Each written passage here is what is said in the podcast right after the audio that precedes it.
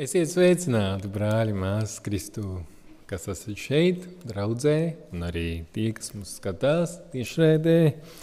Šodien es gribētu līdzdalīt savas pārdomas par pravietojumiem. Es domāju, ka kādu laiku viņi nav bijuši, un nav daudz lasīts varbūt par to. Un, uh, mēs aplūkosim Daniela grāmatas 11. nodaļu, Bet jau pašā sākumā es vēlos teikt, ka tas ir, es to varētu nosaukt kā ieskatu. Kāpēc? Tāpēc, ka šī nodaļa ir ļoti gara, mēs viņu visu neizlasīsim. Tas ir viens, otrs, cik es esmu pētījis, salīdzinājis, pārdomājis. Es varu līdzdalīt jums šos secinājumus, un es ļoti ceru, ka Kādu no jums tas arī uzrunās, kad jūs varēsiet mājās turpināt pētīt, salīdzināt, pārdomāt. Un kas ir pats svarīgākais, novērot pašais, kas notiek pasaulē, visus tos notikumus un ieraudzīt, vai tie sakrīt ar pravietojumiem. Tāpēc viss pamatā, ko mēs šodien aplūkosim, pārunāsim, ir Daniela grāmatā. Uzreiz vēlos brīdināt, ka es neesmu tas, kurš varētu visu izskaidrot, es, tas arī nav mans mērķis, bet galvenais ir ievirzīt to interesi, pašiem pētīt, meklēt, lūgt Dievu, lai Dievs jums atklāja. Pavisam noteikti, ka šī uzruna nebūs uh, pēdējā, runājot par prav, pravietojumiem, bet drīzāk kā sākums tam, ka ik pa laikam mēs atgriezīsimies atpakaļ pie tā, kas ir pravietots Daniela grāmatā. Jo ļoti daudz, kas ir noticis vēsturē, un ir palic, palikusi kāda neliela daļa, kas notiek tagad, un pavisam nedaudz, kas notiks nākotnē. Vispirms, mēs varbūt esam ievērojuši tie, kas ir lasījuši Daniela grāmatu, četras reizes viņš apraksta savu redzējumu, savas pārdomas saistībā ar sapņiem, parādībām, atklāsmēm un arī par to, ko Dievs viņam ir atklājis. Pirmais, kā mēs zinām, Daniela grāmatā 7. nodaļā, 1. pantā ir rakstīts, Bābeles ķīniņa, Belsacera pirmajā valdīšanas gadā. Daniels redzēja sapni. Jūs atceraties, tas sapnis bija, ko viņš redzēja. Tie bija četri zvēri, četras valstis, četras varas. Un tas ceturtais zvērs bija visbriesmīgākais. Viņam bija desmit ragi, un viens no tiem ragiem nolūza, un tā vietā parādījās cits raks, mazais raks. Jūs noteikti atceraties, ka šis mazais raks izcēlās ar savām augstprātīgajām runām pret Dievu. Lūk, tas bija pirmais sapnis, ko Daniels redzēja. Protams, tam ir kaut kas kopīgs, pat ļoti kopīgs ar Nebukatnēts ar sapni, par to tēlu, ko viņš redzēja. Bet šis ir paša Daniela redzētais. Tad, 8. nodaļā, mēs lasām ķīdiņa Belsacera trešajā valdīšanas gadā. Danielam bija parādība garā, kas atgādināja manu agrāko redzējumu. Tagad viņš redz parādību 8. nodaļā. Un kāda tur bija tā parādība? Tur bija auns un āzis. Auns badījās uz visām debes pusēm. Tad parādījās, viņam bija divi ragi, un viens bija garāks raks. Tad parādījās āzis, kas nepieskaroties zemē, tusmās triecās vieso aunam. Āzim bija viens raks – un ar to ragu viņš sabadīja aunu. Eņģelis skaidro, ka tur ir runāts par atkal par varām. Medo Persija un Grieķija ir tas āzis. Tad devītajā nodaļā. Devītā nodaļa, pirmais pants Dārija Ahasvera dēla, kas bija mēdīšu izcelsmes pirmajā viņa valdīšanas gadā. Daniēls pievērsa savu uzmanību svēto rakstu vārdiem par gadu skaitu, ko tas kungs kādreiz savā vārdā bija atklājis pravīdim Jeremijam, proti, ka Jeruzalemē jāpaliekot izpostītāji un noplicinātāji un tukšai 70 gadus. Devītā nodaļa ir vairāk par to, kā Daniels centās izprast 70 gadu pravītisko laika nozīmi, cik ilgi Izraēla tautai būtu jāatrodās trimdā, Pābelē. Mēs atceramies, ka Bībele atklāja, ka senais Izraels bija smagi apkrākojies pret Dievu, pārkāpjot Dieva baušas, nododoties elgdīvībai, netiklībai, varmācībai, netaisnībai. Un Dievs sūtīja pārmācību, pārmāciet citu tautu ar bābeli. Tā bija smaga trimda viņiem. Desmitā nodaļa.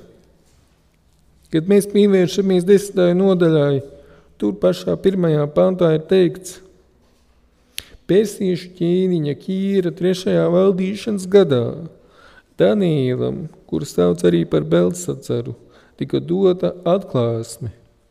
Šī atklāsme ir patiesa un norāda uz lielām bēdām.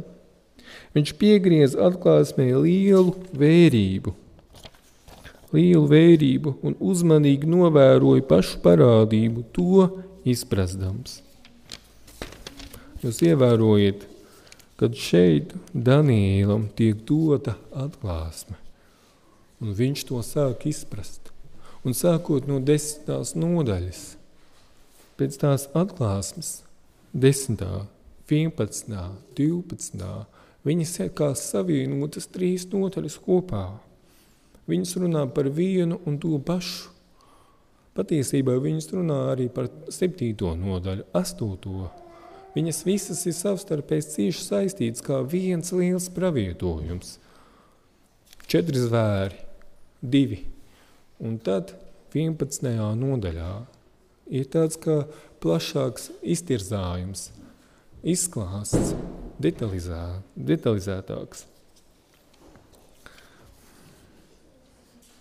Jūs esat pavērojuši, kāda bija Daniēlam izpratne katrā no tām, no tiem piedzīvotajiem brīžiem, kad viņš redzēja sapni, parādību, atklāsmi.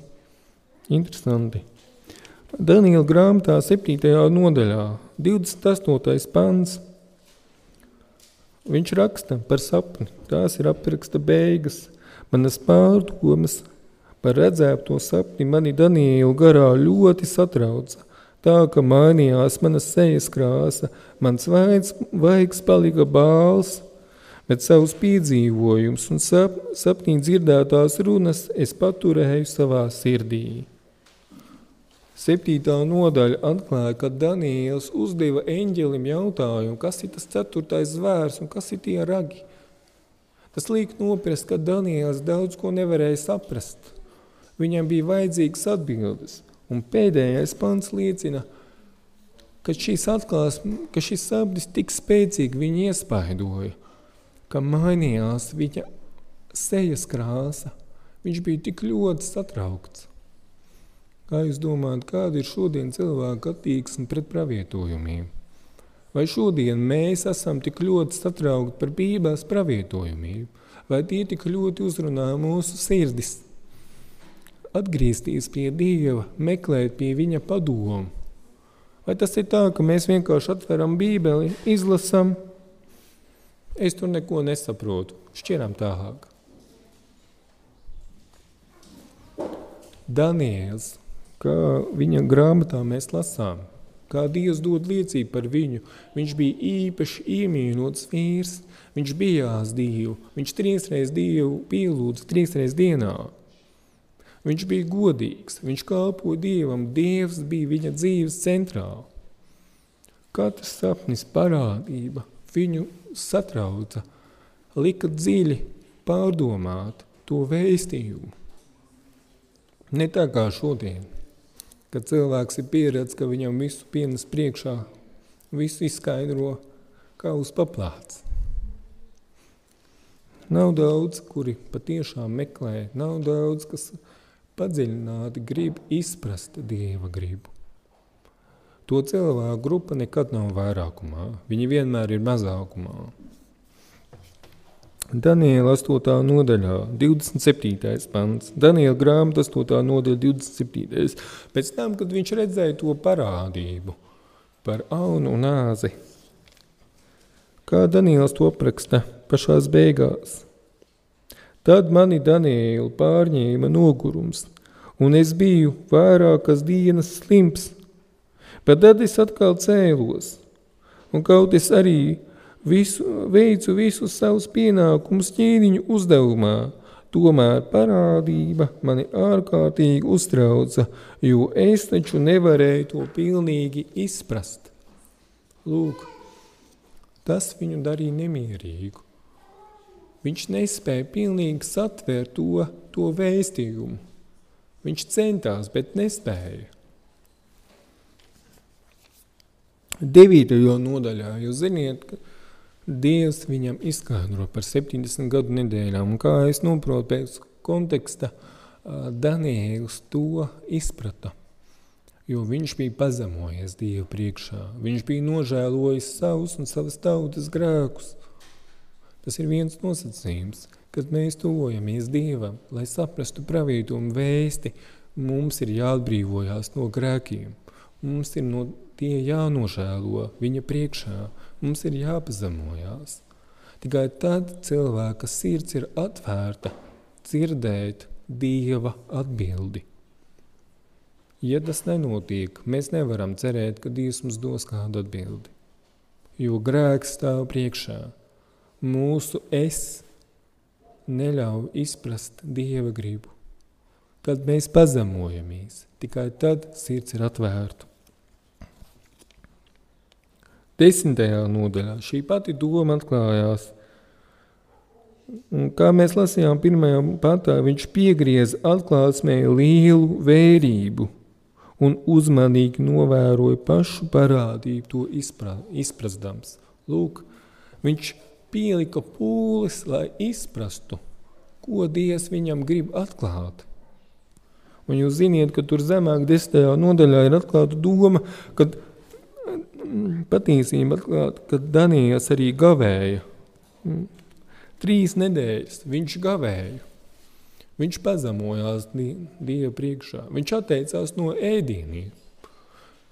Viņš bija noskaņojies sat, sas, satikties ar Dievu un izprast Dieva prātu, izprast parādības noklāsmes. Un kā desmitajā nodaļā teica, ka viņš to arī izprata. Desmitajā nodaļā, atšķirībā no visām citām nodaļām no zvēriem, viņš ierauga Kristu līnu tēpā.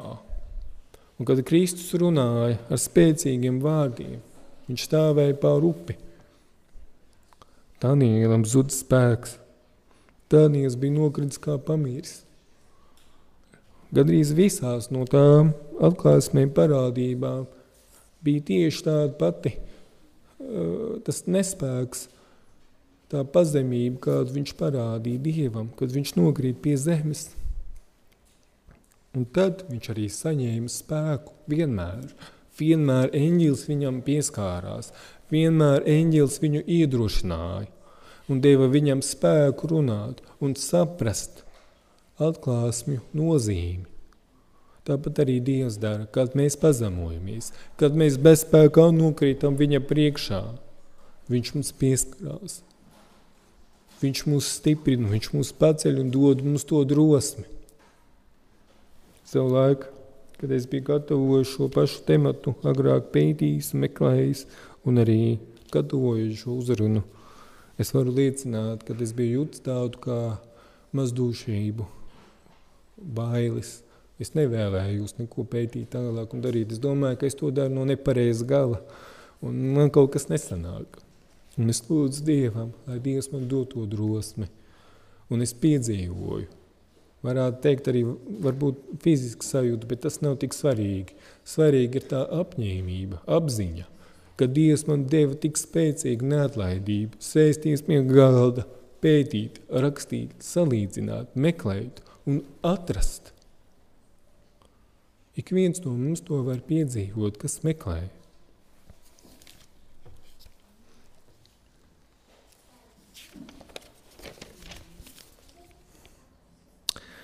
Es gribētu sacīt pāris vārdus par Daniela grāmatas desmito nodaļu, pirms mēs iesim pie 11. Desmitajā nodaļā, pirmajā pantā, mēs lasījām, ka tur ir teikts, ka šī atklāsme norāda uz lielām bēdām. Taču interesanti, ka dažādos tulkojumos ir atšķirīgs skaidrojums. Piemēram, kulako tulkojums. Septītās dienas advents noteikti zina, kas ir kulako tulkojums Krievu valodā. Un parasti tiek uzskatīts, ka šis tulkojums ir precīzāks, labāks, un varbūt tā arī ir. Un te ir teikts nevis par lielām bēdām, bet ka šī atklāsme ir par lielo cīņu. Un, kad jūs zināt to vārdu lielo cīņu, tas saistās ar ar pravīšu gar grāmatu lielā cīņa, vai ne? Ar milzīgo konfliktu starp sātanu un dievu, starp gaismu un tumsu, kurā ir iesaistīti cilvēki, gribot vai negribot. Mēs visi esam tur iesaistīti. Otrs tulkojums ir kara, karaļa Džeimsa versija, un tur ir teikts mazliet savādāk. Bet noteiktais laiks – bija ilgs. Tas ir domāts ar to, ka šī atklāsme attiecās uz tālo nākotni. Un savā ziņā mēs par to arī pārliecināsimies. Bet tas bija Daniela laikā, šī tālā nākotne. Bet mēs jau esam tajā laikā, kad tas jau piepildās. Un, protams, Krievu sinodālais tulkojums runā par lielo spēku, lielo cīņas spēku, kas notiks. Tātad Dievs atklāja Danīlam, kas notiks, notiks ar viņa tautu, kā mēs zinām divītā nodaļā, bet kas notiks arī vēl tālāk, līdz pat pašām beigām, līdz pat Kristus nākšanai.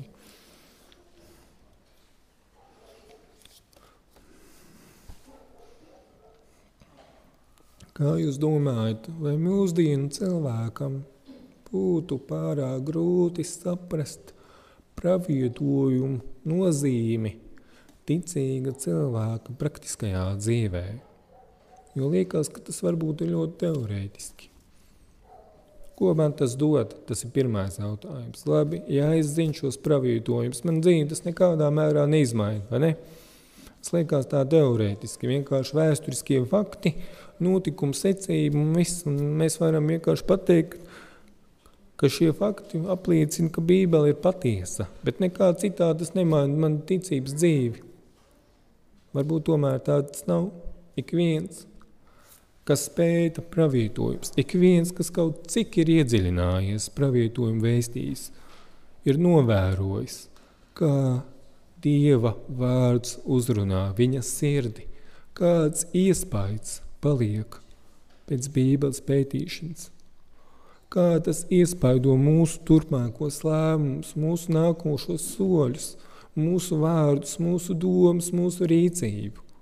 Ne katrs vārds Bībelē sniedz tik spēcīgu iespaidu. Ir psalmi, kad mēs lasām par psalmiem, kas dod mums stiprinājumu, iedrošinājumu grūtos brīžos un cerību. Bet Dieva tauta ir tā, kuras zina Dieva gribu, kuras zina Dieva noslēpumus, kuras zina nākotni. Jums nav jāiet pie zīlniekiem, pareģiem, gaišeģiem, lai zinātu savu nākotni. Dievs to ir atklājis, un viņš to ir atklājis savai tautai, tiem, kas meklē. Ja mēs zinām nākotni, mēs zinām, kā šodien mums ir jādzīvo. Mēs nedzīvojam neziņā. Tie, kas dzīvo neziņā, Viņi vienkārši izvēlās šo dzīvi, dzīvot kā pēdējo dienu. Taču ne tādā nozīmē, kā to Bībele atklāja. Būt modriem, dzīvojot šo dienu. Bet ēdīsim un dzērsim, jo rīt mēs mirsim. Izbaudiet dzīvi, bet izpratni par pravietojumiem mums dod sagatavoties šai dzīvē, uztvērt šo dzīvi daudz nopietnāk nekā līdz šim. Tas ir Dieva mēģis, ka viņš atklāj šos pravietojumus. Lūk, un tagad mēs varam pievērsties Daniela grāmatas 11. nodaļai. Vēl pirms mēs lasām, es gribētu sacīt, ka arī Daniela grāmatas 10. nodaļas 14. pantā, tāpat arī 8. nodaļas, mm, tur ir 8. nodaļas kontekstā, tur ir pieminēts, kad eņģels Danielam atklāja, ka viss tas notiek pašās laiku beigās, Dieva beidzamajā dusmības dienā. Tā tad ir noteikts, nolikts laiks, un tas ir redzams un arī jūtams. Kad mēs redzam arī 10. nodaļā, 14. pānā šī doma parādās, un arī 11. nodaļā viņa atkārtoti parādīsies, ka Dievam ir noteikts laiks, šķiet kā laiku sadalījums, un katrā laikā ir savi notikumi un sava secība, un viss notiek pēc Dieva prāta. Lūk, Tāpēc es aicinu šo, tagad pievērsties Daniela grāmatas 11. nodaļai. Un tur, otrajā pantā, eņģelis saka Danielam,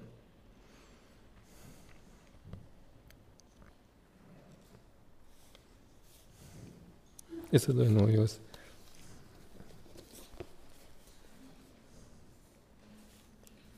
Tur ir sacīts otrajā pantā, kad viņš Danielam atklās to, kas ir rakstīts patiesības grāmatā. Viņš tagad pastudinās patiesību. Ziniet, arī citos tulkojumos ir teikts, ka to, kam ir jānotiek, kam ir jābūt, kas nevar nenotikt. Tātad tas, kas ir noteikts. Un pirmais, ko mēs varam lasīt, ir Daniela grāmatas 11. nodaļā, otrais pants arī tālāk. Redzi, Persijā celsies vēl trīs ķēniņi, ceturtais būs bagātāks par visiem citiem. Un kad viņš ar savu bagātību būs kļuvis varants, viņš izlītos visus savus līdzekļus un sacēls visus karam pret Grieķijas ķēniņa valsti.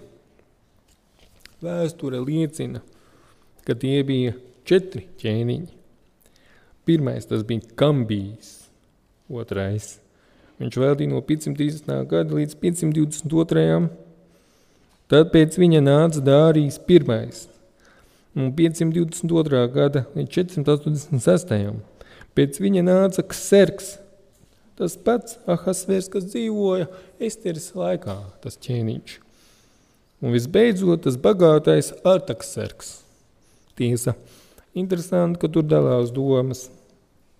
Žants Dukāns, kurš ir arī pētnieks un ļoti labi izprot senebriju valodu, viņš uzskata, ka tas ir Atakserks, kurš bija bagātākais ķēniņš, kurš uzpirka grieķu valsts vīrs, un uh, viņš arī bija uzveicis grieķu floti.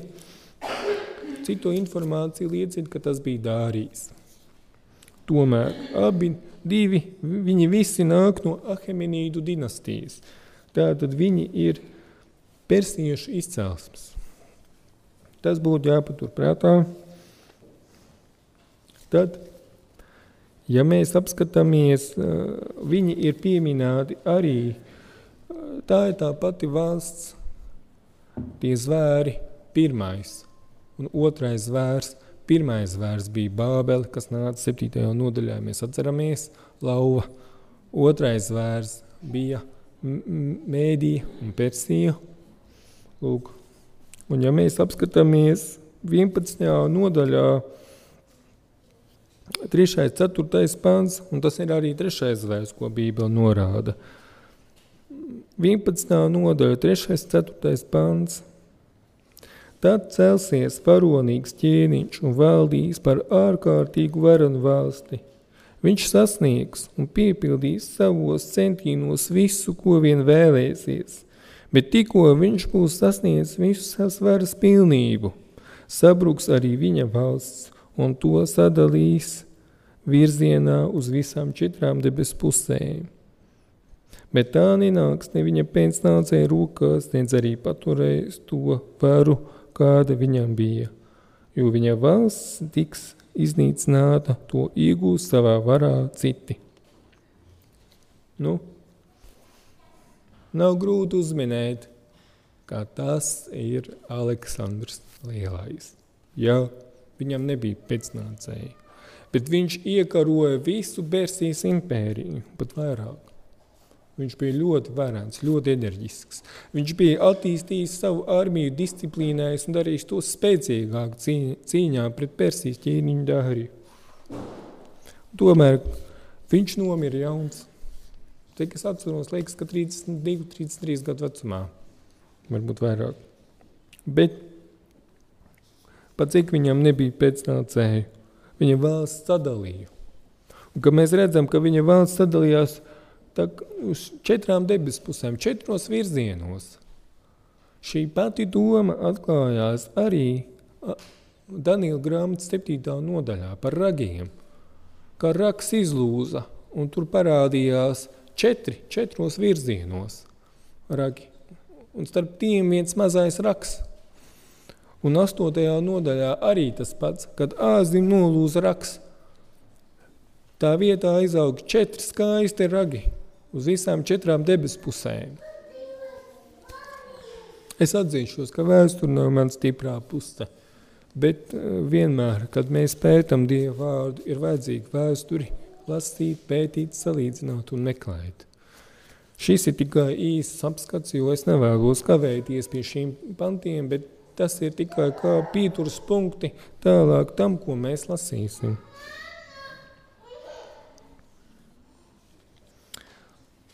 Kāds bija Grieķija kā zvērs? Mēs redzam 10. nodaļā 7. Sep, Daniela grāmatas 7. nodaļas 6. pants.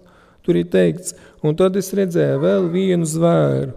Tas izskatījās pēc pantēras, bet tam bija četri putna spārni uz muguras. Šim zvēram bija arī četras galvas. Tam tika piešķirta valdnieka vara. Tas skaidri parāda, ka tā ir tā Grieķija, senā Grieķija, kuru pārvaldīja Aleksandrs Lielais.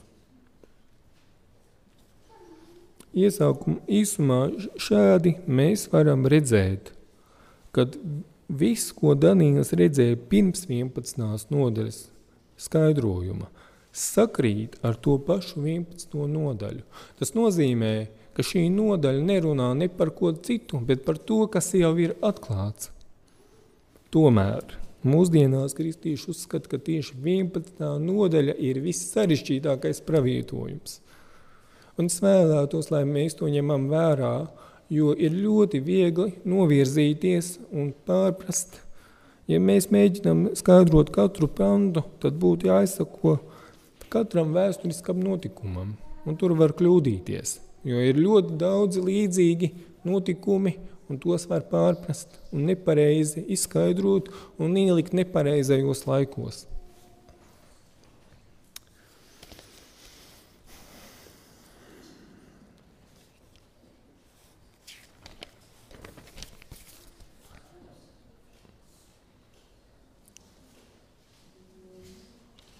Ļoti interesanti, kas būtu jāņem vērā, ir Daniela grāmatas 8. nodaļā, tur beigu daļā, kad da, eņģelis skaidro Danielam to parādību par aunu un āzi.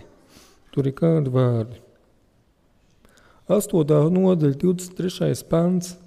Šo valstu pastāvēšanas pēdējā laikā, tad, kad šī senā Grieķija izjūg, viņas sadalās – izveidojās citas valsts. Šo valstu pastāvēšanas pēdējā laikā šis valsts vēl pastāv arī šodien. Kad atkritēji vairosies, celsies bargs un viltīgs ķēniņš. Kad atkritēji, kad atkrišana no Dieva, kad ateisms plauks un zels, celsies bargs un viltīgs ķēniņš. To vajadzētu paturēt prātā, kad mēs iesim arī tālāk uz priekšu. Mēs atgriezīsimies pie šī viltīgā ķēniņa. Atgriežoties atpakaļ pie 11. nodaļas, un šeit sākot no 5. panta līdz pašām beigām, pēc konteksta, mēs redzam, ka tur vairs nav nosauktas valstis. Ne Persija, ne Grieķija, nekāda cita valsts. Tur ir tikai divas valstis – Ziemeļvalsts un Dienvidvalsts. Divas puses, kas pastāvīgi karo. Cik esmu izskaidījis pēc konteksta – Tad Dienvidvalsts ir karojusi kādas četras reizes, bet Ziemeļvalsts ir 12 reizes karojusi. Ziemeļvalsts pārsvarā uzbruk, un pārsvarā arī viņa visvairāk gūst uzvaras. Zīmīgi, kāpēc? Tāpēc, ka Ziemeļvalsts ir Bābele. Un jūs ziniet, kad Bābele garīgā nozīme, ja mēs pārējam uz garīgo, viņa ir atkritusī baznīca. Netikle, Bābele. Vecajā derībā Līgava ir Dieva uzticīgā draudze, tad Bābele ir atkritusī baznīca, atkritusī draudze.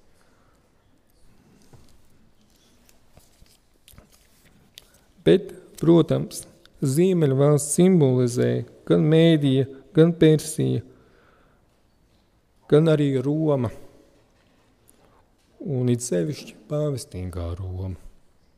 Un kā es saprotu arī no šī pētnieka Šaks Dukāns savā grāmatā apliecina, ka no piektās nodaļas līdz beigām šī ir tā garīgā cīņa starp arī vēsturiskā cīņa vispirms starp pagānisko Romu un citām valstīm līdz pat pāvestības varai.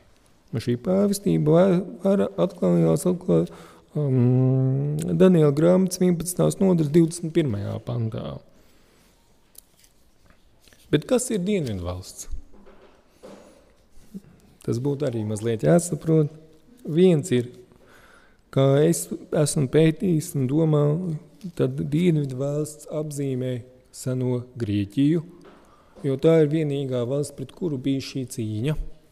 Tad otrs varētu būt Ēģipte, tāpēc, kad Daniela grāmatas 11. nodaļā 8. pants, tur ir runāts par atriebēju no Dienvidu valsts, kas nāk viņš uzveic ziemeļvalsti, un viņš visu viņu dievekļus un visu viņu zeltu sudraba traukus aizved kā laupījumu uz Ēģipti. Tātad mēs varam noprast, ka dienvidi simbolizē Ēģipti. Runājot par pēdējo valsti, Ēģipti kā tādu, kā jūs domājat, kā vecā derība aino šo valsti, kas tā varētu būt? viens, pirmais, kas nāk prātā, tā ir verdzība. Pareizi. Tāpēc, ka Izraēla tauta tur pavadīja 400 gadus verdzībā. Tā ir zeme, kur ir vairāk kā 200 dievu. Tātad elgdievības perēklis, varētu teikt tā. Bet vienlaicīgi tā ir vieta, kur tiek paaugstināts cilvēks, cilvēku pūles, vai tad ne tā, kaut vai netieši. 400 verdzības gadi, cilvēku roku darbs, viss, kas tika veidots, viss, kas tika celts, tas bija tikai no cilvēku spēka, nekas pārdabisks. Pat faraona kapenis norāda uz cilvēcisko gudrību, cilvēcisko spēku, autoritāti kā tādu. Savā ziņā Ēģipte var simbolizēt arī ateismu. Bet ateisti jau arī kaut kam tic. Protams, viņi tic paši sev, viņi tic sev, savam prātam. Lūk, otrs, kas bībeli, arī bībelē atklājās, piemēram, Jeremijas grāmatā 30. nodaļā, tur ir doma par dienvidu zemes zvēru, un tas tiek attiecināts uz Izrāēlu, uz atkritušo Izrāēlu kur ir atkāpušies no Dieva. Kad Dievs viņus soda, viņš, Dievs viņus salīdzina kā ar dienvidu zemes zvēru. Lūk, tāpat arī citās vietās tas tiek pieminēts līdzīgi doma. Nu, kas ir vēl zīmīgi, ko mēs varētu teikt arī par Ēģipti? Ēģipte bija zeme, uz ko Izraels, senais Izraels lika savu cerību. Kādos brīžos? Tad, kad viņi negribēja paklausīt Dievam, viņi domāja, ka viņi atgriezīsies Ēģiptē. Kāpēc? Jo tur bija ķiploki, medus, gaļa, maize, viss, kas vajadzīgs. Un tas bija laikā, kad viņi bija tuksnesī, kad Dievs viņus pārbaudīja. Viņi kurnēja pret Dievu. Kāpēc viņi bija tuksnesī? Jo Dievs viņus veid uz apsolīto zemi, un tūkstnes bija kā pārbaudas viena. Bet viņi atcerējās Ēģipti, un tajā brīdī viņi aizmirsa savus verdzības gadus, bet ķiplogus viņi atcerējās, cik tie bija garšīgi. Lūk, un viņi domāja atgriezties atpakaļ uz Ēģiptes zemi. Arī pravietis Iesai un Jeremija par to pašu runā, ka Ēģipte ir kā vieta, kā cerību vieta, kā zeme tauta, kas palīdzēs grūtā brīdī, kas aizsargās tos, kas negrib dzirdēt Dieva padomu. Vai šodien nav līdzīgi, ka cilvēks negrib sadzirdēt Dieva aicinājumu atgriezties, kur cilvēks tverās savos spēkos, uzticās citiem cilvēkiem, iet kaut kur meklē materiālo labumu, laicīgo atbalstu, un tas viņam dod pārliecību, ka viss viņa dzīvē ir kārtībā. Tā ir tā drošības sajūta. Tomēr Dievs pasaka, ka Ēģipte neko tur palīdzēt nevar. Interesanti ir salīdzināt Daniela grāmatas 11. nodaļā, ja jūs, piemēram, kādreiz esat lasījuši, esmu ziedegt mājās, izlasīt, jo šeit mums nebūtu laiks to lasīt. Tad abu ķēniņu darbību, abu virzi pušu darbība, Ziemeļvalsts un Dienvidvalsts atkārtojās. Piemēram, 11. nodaļā, 6. pantā ir runa par to, ka Dienvidvalsts slēdz savienību ar Ziemeļvalsti. Kā tas notiek? Ļoti saprotami, kā tas parasti ir vēsturē, kā tas tajos laikos bija. Tie apvienosies un dienvidu valsts ķēniņa meita dosies pie ziemeļu valsts ķēniņa. Protams, tālāk ir rakstīts, ka viņiem tas neizdevās. Šī meita krita ar savu bērnu, ar savu tēvu un to, kas ķēniņa meitiņu darīja stipru. Savukārt 11. nodaļā šī pati doma atkārtojās 17. pantā. Šoreiz ziemeļvalsts rīkojās. Tāpēc viņš slēgs ar viņu līgumu ar dienvidu valsti un dos tam vienu no savām jaunajām meitām par sievu, lai liktu postā visu dienvidu zemi. Šis ir viens salīdzinājums, kas liecina par to, ka abu valstu metodes ir līdzīgs. Vēl viens piemērs ir Daniela grāmatas 11. nodaļā, 12. pants. Tad, kad Dienvidu valsts ķīniņš uzvarēja vienā karā, tur bija kaut kas, kas iekrīt acīs, un tur ir teikts, šīs uzvaras sekas būs tās, ka Dienvidu valsts ķīniņa garš, gars kļūs lepns. Viņa gars kļūs lepns. Bet parasti Bībelē pravītojumos tieši tiek runāts par Ziemeļvalsti, ka viņi paceļās. Lūk, viens piemērs ir, tas ir Daniela grāmatā 11.36. Tur ir teikts, viņš būs pilns pašnietkomas un šķitīs pats sev, sev lielāks esam par visiem diviem, nostāsīs pret dzīvo dievu, tas ir Ziemeļvalsts. Tā kā Ziemē valsts simbolizēja Bābeli, mēs zinām, ka viņa simbolizē arī Romu kā jau bija minējis. Viņa simbolizē arī pāvestīgo Romu, jeb to mazo ragu, kas saceļās pret Dievu. Jo, ja mēs paskatāmies šo vārdu, ka viņš sacēlsies pret Dievu un pameklējam visur, kur Daniela grāmatā ir runāts par šo sacelšanos, tad ir tikai viena vara vēsturē, un tā ir pāvestība. Tas sevi ielika Dieva vietā. Pāvests, kurš uzskatīja, ka viņš ir Dieva vietnieks – Viņš ir Dieva vietā. Ka tikai no viņa var saņemt pīdošanu žēlstību. Ka viņam ir visa vara dota. Un tajā laikā, kad viņš valdīja, kad bija pāvestības vara. Tie bija 1260 gadi. Visi ķēniņi bija tomēr kaut kādā mērā pakļauti viņa varai.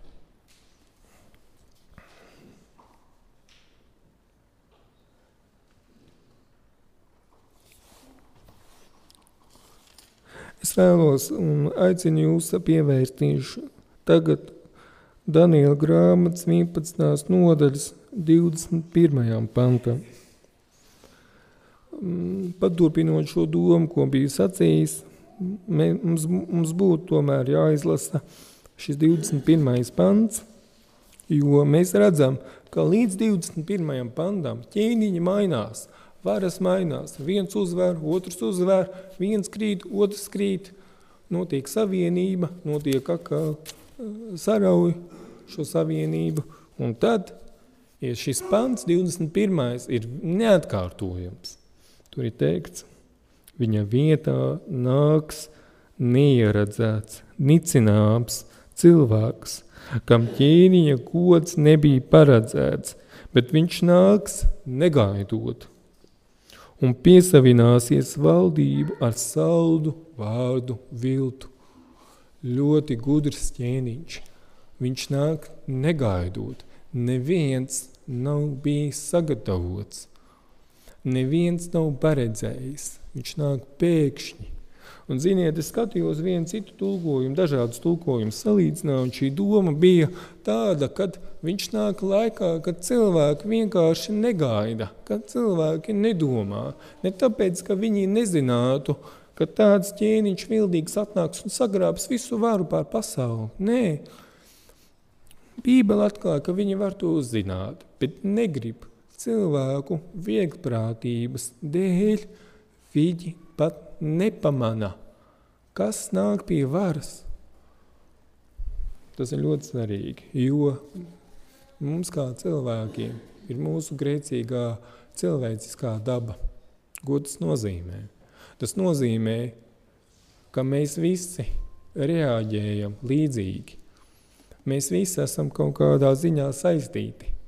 Un sātans spēja mūs visus pievilt caur mūsu grēcīgo dabu caur mūsu cilvēciskumu, cilvēcisko vājību. Viņš spēja uz mums manipulēt.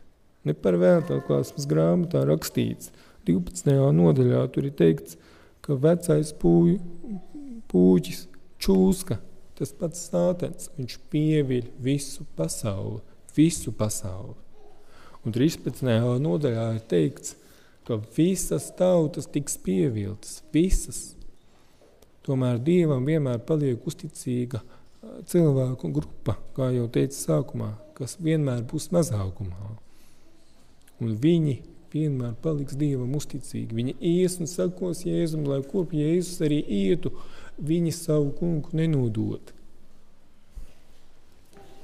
Lūk, ļoti zīmīgi, ka 11. nodaļas 21. pants pilnībā sakrīt ar visām tām varām un ķēniņiem, kas ir Daniela grāmatas 7. un 8. nodaļā pieminēti, kuri saceļās pret Dievu.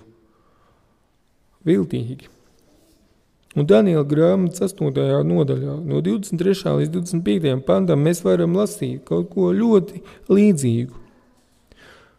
Kā bija iepriekš lasījis, šo valstu pastāvēšanas pēdējā dienā – Kad atkritēji vairosies, celsies bargs un viltīgs ķēniņš, viņam būs liela vara, bet ne viņa paša varas dēļ.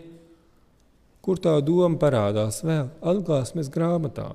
Zvērs no jostas, kas izkāpj. Viņam nepiedar sava vara. Viņam tā ir iedota. Kas to viņam iedod? Pūķis, jeb sātans. Un tāpēc tautas pielūdz pūķi jo viņa redz, ka jūras zvēru brūce ir dzīdināta, ka šis viltīgais ķēniņš parādās no jauna. Tas nozīmē, ka vēsture atkārtojās, ka nāks kaut kas, kas jau ir bijis.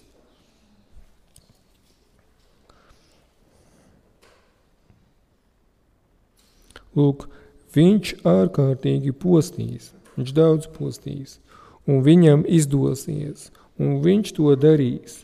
Viņš postīs varanos un arī svēto tautu. Viņa gudrības dēļ, viltību, kuru viņš izmanto savā, savos paņēmienos, tam izdosies. Viņš paliks augstprātīgs, pavisam negaidīti daudz pazudinās. Bet kad viņš sacēlsies pret valdnieku, kas ir visu valdnieku valdnieks, tad tas to satrīks bez cilvēku roku palīdzības. Pēdējais, ko mēs tikko izlasījām, ir ļoti cieši saistīts ar nebukadnēceru sapni par to vērā no tēla. Atcerieties, pēc cilvēku roku palīdzības viņš sabruka. Kāpēc? Tāpēc, ka akmens tika gāzts lejā un satricināja viņa kājas, jo šim tēlam kājas bija pa daļai no māla, pa daļai no dzelzs. Mūsu Eiropa sajauktās kājas. Akmens simbolizē Kristus otro nākšanu, kas satriec visas valstis pasaulē, visu to sistēmu, visu to varu, zem kuras cilvēki jūtās droši, tāpēc, ka viņi nav meklējuši patvērumu pie Dieva. Bet šis ir tas laiks, kad mēs vēl varam atrast Dievu un meklēt viņu un iegūt viņā drošību. Turpat mēs varam ieraudzīt arī Daniela grāmatas 11. nodaļā, 22. pantā ir kāda pazīme, ka karaspēku no viņa aizplūdīs uz visām pusēm, uz visām debesu pusēm. Tātad viņš kaut ko dara, ko ir agrāk darījuši viņam līdzīgi, karojuši. Viņš izsūdīs atkal savu karaspēku un sāksies atkal karš. Un ja mēs apskatāmies sākot no 22 panta 11. nodaļā ir četri kari. Jūs zināt, mana uzruna arī tāpēc saucās starp kariem. Mēs sākam runāt par divu valstu konfliktu, un kaut kādā brīdī tur ir jāparādās Dieva tautai. Un tā arī ir. Pirmajā karā, kad mēs redzam, kas notiek, ir no 20, 22. 23. pants, tur ir teikts, ka satnīgs kļūs arī valdnieks, ar kuru viņš bija noslēdzis savienību, jo tūlīt pēc draudzības noslēgšanas ar to viņš lītos viltību un celsies pret to un to uzvarējis. Ziemeļi pret dienvidiem. Vēl svarīgi ņemt vērā arī, ka 21. panta šis viltīgais ķēniņš, viņš tur paliek līdz pašām beigām. Vairs nenomainās nekādi citi ķēniņi. Ja? Tad otrais karš, kas notiek, ir no 25. līdz 26. pantam. Šeit atkal doma atklājās, ka Ziemeļvalsts uzsāk šo karu, viņa uzvar Dienvidvalsti. Bet kas ir atšķirīgs no citām reizēm? Te ir teikts, ka viņa paša kāda biedri izraisīs viņa bojā eju, viņa karas spēks izklīdīs, un daudzi nogalināti kritīs. Tā tad būs tā neusticība, ka dienvidu balsts kritīs ne tāpēc, ka ziemeļvalsts viņu būtu sakāvus, bet iekšējo nesaskaņu neusticības dēļ. Es domāju, ka viens no svarīgākajiem pantiem šajā kontekstā ir Daniela grāmatas 11. nodes 27. pants. Un to ir svarīgi atcerēties šobrīd. Un es jums iesaku to arī pētīt un meklēt. Un tur ir teikts, abi ķēniņi turēs katrs savā sirdī ļauna, vildus pilnas domas. Tie pie viena galda apmelos viens otru, bet piepildīt dzīvē savu viltu vienam pret otru tiem neizdosies – jo gals stāv vēl priekšā un gaida uz Dieva nolikto laiku. Ja mēs runājam par valstīm, tad kā jums šķiet pēdējos gados, kādas ir divas varas, kas cīnās, divas puses? Nav grūti pamanīt, pat ja cilvēks nelasa ziņas un neskatās neko baigi. Kaut pavirši garām ejot, viņš tikai kaut kam pasako. Amerika, Eiropa – Krievija, Ķīna, Ziemeļkoreja. Viss, un tajā pusē visas tās valsts visu laiku notiek viņu starpā cīņas caur mazākām valstīm, piemēram, kā caur Ukrainu, kā tas notiek caur Izrāēlu, Palestīnu, kā caur Sīriju. Bet šīs milzīgās valsts vienmēr cīnās par vietu pasaulē, par savu varu, par savu teikšanu. Lai viņas būtu pirmajā vietā. Eiropa un Amerika, ko tā simbolizē? Bābeli. Tāpēc, ka pati Bābele, jeb tas zvērs no jūras, viņš nevienu cīņu neizcīna. Atklāsmes grāmatā 13. nodaļā rakstīts, ka zvērs no zemes, kas iznāk, kā mēs zinām, ka tā ir Amerikas Savienotās valstis, tas ir politiskais spēks, kas dod to varu, jo baznīca bez politiskā spēka neko nespēja.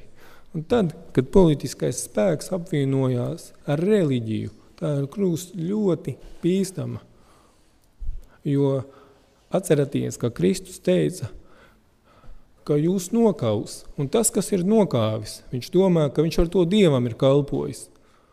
Tas nozīmē, ka jebkuru karu, jebkuru vardarbību var attaisnot uz reliģijas pamata.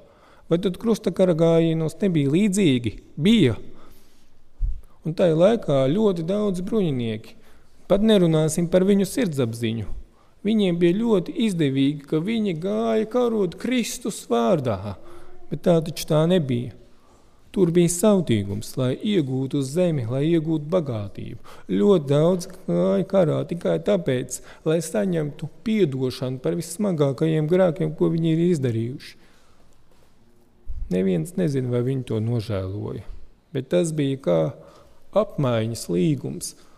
Tu iesi krustneša karā, tu nogalināsi cilvēkus, bet pāvests tev piedos. Tad viņš piedos visus tavus grēkus. Jā, šodien ir kaut kāda līdzīga doma. Piemēram, pašreizē pagājušā gadā karš, kas sākās starp Izraēlu un Palestīnu, starp Gazas joslu. Es atceros vēl Facebookā redzēju tās bildes, kā parasti tika parādīts. Izraēla attēlojas sevi kā lauvu, spēcīgu lauvu, jūda, lauvu, jūdas cilts nāk. Palestīna bija tā čūska, kas tur apakšā lodā. Kā jūs domājat, palestīnieši kā to attēloja? Otrādi. Palestīna ir tā lauva, Izraēla ir žurka. Es apakšā tur saspiesta guļu. Nu, jūs redzat, ka abas puses tevi pozicionē kā taisnīgo, ka viņa rīkojās taisnīgi, viņa rīkojās Dieva vārdā. Varētu teikt, ka ļoti līdzīgi ir arī ar veco derību, seno Izraēlu. Dievs izmantoja, lai izdzītu pagānu tautu, tāpēc, ka šo tautu grēku mērs bija pilns, bet to taču var paņemt un attaisnot jebkuru pašreizējo grēku, ja tikai tā valsts ir kristīga, ja tikai viņa tic Dievam. Ja tās valstiskā reliģija ir kristienība, ar to pietiek. Es biju pat lasījis, kad Krievija bija veidojusi arī tās ikonas un likusi karavīriem pie cepurēm vai kur. Tā kā ticības vārdā viņi iet. Un viņi to dara, ka tas ir tāds kā svētais karš. Tāpēc ir ārkārtīgi bīstami, kad baznīca apvienojās ar varu. Sātans tādā veidā var jebkuru rīcību attaisnot. Tomēr interesanti arī paskatīties par apmelošanu, ka viņi apmelo pie viena galda 11. nodaļā 27. pandā, ko lasījām. Salamana pamācībās 26, 23 ir teikts, draudzībā Kvēlojošas lūpas un ļauna sirds ir kā lauskas gabaliņš, kas pārklāts ar sudraba putu krāsu. Savukārt Jeremijas grāmatā mēs lasām 9. nodaļa. Tur no, viet, no 1. līdz 5. pantam jūs varat izlasīt, bet tur ir teikts, kad Jeremija grib atdalikties no savas tautas. Kāpēc? Tāpēc, ka viņa tauta nododās varmācībai, grēkam. Tāpēc, ka viņa ir atkāpusies no Dieva. Un kas ir ļoti zīmīgi, ka otrajā pantā ir teikts, mani tie negrib pazīst. Mani tie nepazīst. Un 5. pantā teica, ka negrib pazīt. Ja mēs paturam to prātā, tad, kā mēs redzam, Ziemeļvalsts ķēniņš 11. nodaļā, tur no 29. panta līdz pat 35. pantam mazliet tālāk mēs redzam, kad trešajā karā viņš zaudēja drosmi pret dienvidu valsti. Un tad ir kaut kas ļoti savādāks. Viņš sāk vēst savu skatu pret svēto derību, pret Dievu uzticīgajiem. Un visā šajā lielajā konfliktā mēs ieraugam Dieva tautu. Viņš slēdz savienību ar tiem, kurus liecas pārkāp Dieva likumu, Dieva derību. Viņš ar saldiem vārdiem panāk, ka tie pavisam plauž uzticību Dievam. Lūk, šeit ir ļoti svarīga vēsts.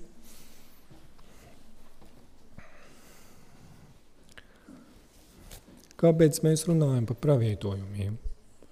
Tāpēc, ka Dievs kādu parāda, lai mēs nepārstāvam nevienu pusi, nevienu varu. Šeit nav mūsu mājas, Atcerieties, kad notika Krievijas-Ukrainas karš, tu nedrīkstēji ieņemt neitrālu pozīciju. Tev bija vai nu jāatbalsta, vai nu jābūt pret. Tev ir jābūt kādas valsts pusē. Kā ir Palestīnas, uh, Izraels karā? Klusums. Neviens neprasa tavu viedokli. Tas nav nemaz tik svarīgi. Es pat lasīju, ka Latvijai pat tajā laikā nebija oficiāla viedokļa, kuru pusi viņa pārstāv. Nebija tāda kā šaudīšanās. Bet Bībele pasaka, ka mēs nedrīkstam pārstāvēt nevienu pusi, jo abas puses melo. Un šajā brīdī es gribu teikt, ka nav runa tikai par valstīm, arī dienvidi ziemeļi, bet par domāšanu. Viena ir atkritusī kristietība, otrs ir ateisms, pagānisms. Abi virzieni velk dievu tautu vienā vai otrā pusē. Jebkā, jebkādi pasaules mēroga nemieri, konflikti ietekmē mūsu domāšanu un ietekmē mūsu izvēli, kad mums ir jāizšķirās, ko mēs pārstāvam ko mēs aizstāvam. Tas parāda savukārt, kā mēs saprotam šo konfliktu situāciju, jebkuru karu jebkuras uh, domstarpības starp lielvarām, ko mēs ziņās varam izlasīt. Mums ir jābūt ļoti uzmanīgam, ka šādā veidā sātans var mūs ievilkt maldos. Mēs automātiski esam zaudētāji tajā brīdī. Lūk, tāpēc, ka Jeremija raksta, ka jūs dienu negrib mani pazīt. Es gribētu mazliet pakavēties pie šī. Jāņa evaņģēlijā 17. nodaļā 3. pantā ir teikts, bet šī ir mūžīgā dzīvība, ka viņi atzīst tevi vienīgo patieso Dievu un to, ko tu esi sūtījis, Jēzu Kristu. Ka viņi pazīst to, ko tu esi sūtījis, Jēzu Kristu. Un Jāņa evaņģēlijā, 10. nodaļā, 4. pants. Es esmu labais gans, Es pazīstu savas avis, un manas avis mani pazīst. Izglābjās tikai tas, kurš pazīst savu glābēju, kurš pazīst savu dievu. Neformāla ticība, ne ārēja ticība, kas izpaužās dievkalpuma apmeklējumā, tiksim, kad mēs lasām Bībeli tikai tad, kad tas būtu jādara. Nē, kad mēs kā Daniels meklējam, mēs gribam izprast, mēs pazemojamies Dievu priekšā, mēs Dievu iepazīstam, kāds Viņš ir. Es domāju, ka es esmu jūs nogurdinājis. Bet uh, nobeigumā jūs esat pamanījuši, ka no 31. panta līdz 35. pantam Daniela 11. nodaļā tas ir pārbaudas laiks ka tie, kas Dievam uzticās, viņi atklāja patiesību, pravīto vēsti visiem cilvēkiem. Viņu vidū būs tie, kas ar viltu tikai piebiedrosies ar viltu, Kā Bāvils raksta no jūsu pašu vidus nāks tie, kas mācīs atžgārnības. Gani, bet kas iekšā būs kā vilki. Jūs ziniet, ar ko nobeidzās 11. nodaļa. Ar 40. pantu. 40. pantā, ja visā reizēs mēs redzam, ka Ziemeļvalsts uzsāk cīņu, tad beigās tā ir Dienvidu valsts. Dienvidu valsts saceļās karam. Un kas notiek? Jūs esat dzirdējuši to vēsti par spēcīgo saucienu. Jūs pazīstat, vai ne, šo vēstījumu? Tas ir aicinājums paziņot, ka Bābele kritusi, un tieši šī vēsts satriks Ziemeļvalsts ķēniņu, Ziemeļvalsti, Ziemeļu varu, jeb antikrista varu, satrieks. Vēsts par to, ka tā ir kritusi. Es aicinu visiem, lai mēs tiešām pazītu Dievu, lai mēs meklētu Dievu vārdā, lai mēs sagatavotos šai stundai, kad mums būs jāpasludina šī vēsts lai mēs nenostājamies nevienā, ne otrā pusē, bet paliekam kā Dieva izredzēta tauta. Un Dieva tautai nav nekāda sakara ar to, kas pasaulē notiek, ar tām politiku, ar tām varām. Viņa tām nepiedara. Viņa piedara Kristum, viņa seko Kristum visur, kur viņš iet. Āmen. Tāpēc, Tēvs, mēs Tev slavējam un pateicam, pateicamies, ka Tu šīs lietas neesi turējis noslēpumā, bet atklājis Taviem bērniem, ka Tu ļoti rūpējies gan par mūsu tagadni, gan nākotni, ka Tu gribi, lai ik viens izglābtos, ka ik viens saprastu, kas notiek pasaulē un atrastu ceļu pie Tevis. Mēs ticam, Tēvs, ka vēl joprojām ir žēlstības laiks, ka tu mīli katru pazudušo, ka tu mīli katru, kas dzīvo tumsā, un tu ilgojies viņu izvest tavā brīnišķīgā gaismā. Mēs zinām tās, ka tu ilgojies, lai mūsu sirds pilnībā piederātu tev. Mēs lūdzam, ka tu māci mums pazemoties, pilnībā atsacīties no sevis, no savas gudrības, ļaut, lai tavs vārds uzrunā mūs un pārliecina mūs, ka tikai pie tevis ir mūžīgā dzīvība, ka caur Jēzu Kristu tu esi mums to sagādājis. Un šeit mēs esam tikai ciemiņi, kā svešinīgi. Šeit tu veido mūsu raksturs, šeit tu parādi mūsu kļūdas un parādi veidu, kā tu gribi mūs izmainīt un darīt mūs stiprākus, priecīgākus, lai mēs tev pilnībā pieķeramies. Mēs lūdzam tās, ka tu dod mums gudrību, kā tu esi apsolījis, ka tu dos mums vēlo lietu, svētā gara izliešanos, ka tu mums atklāsi katru pravietojumu, katru patiesību, lai atklātos tavs spēks, tava gudrība, varenība, pie visiem cilvēkiem, pie visām tautām, lai cilvēki redz, ka mēs esam tava tauta, ka mēs tevi pazīstam. Lai viņi arī gribētu tevi iepazīt, kamēr ir šis laiks, jo pienāks tās beigas, un daudzi pat to nepamanīs, ka kaut kas ir izmainījies. Mēs lūdzam tās, Tikai ar tevi mēs varam iet pareizā ceļa virzienā. Tikai ar tevi mēs varam tikt glābti. Slava Tev, Tēvs, un pateicība par Tavu dzīvo vārdu, ka tas ir mūžīgs, ka Tu esi visu atklājis. Paldies Tev, Tēvs! Slava Tev, Tēvs, un pateicība Jēzus vārdā. Āmen! Āmen.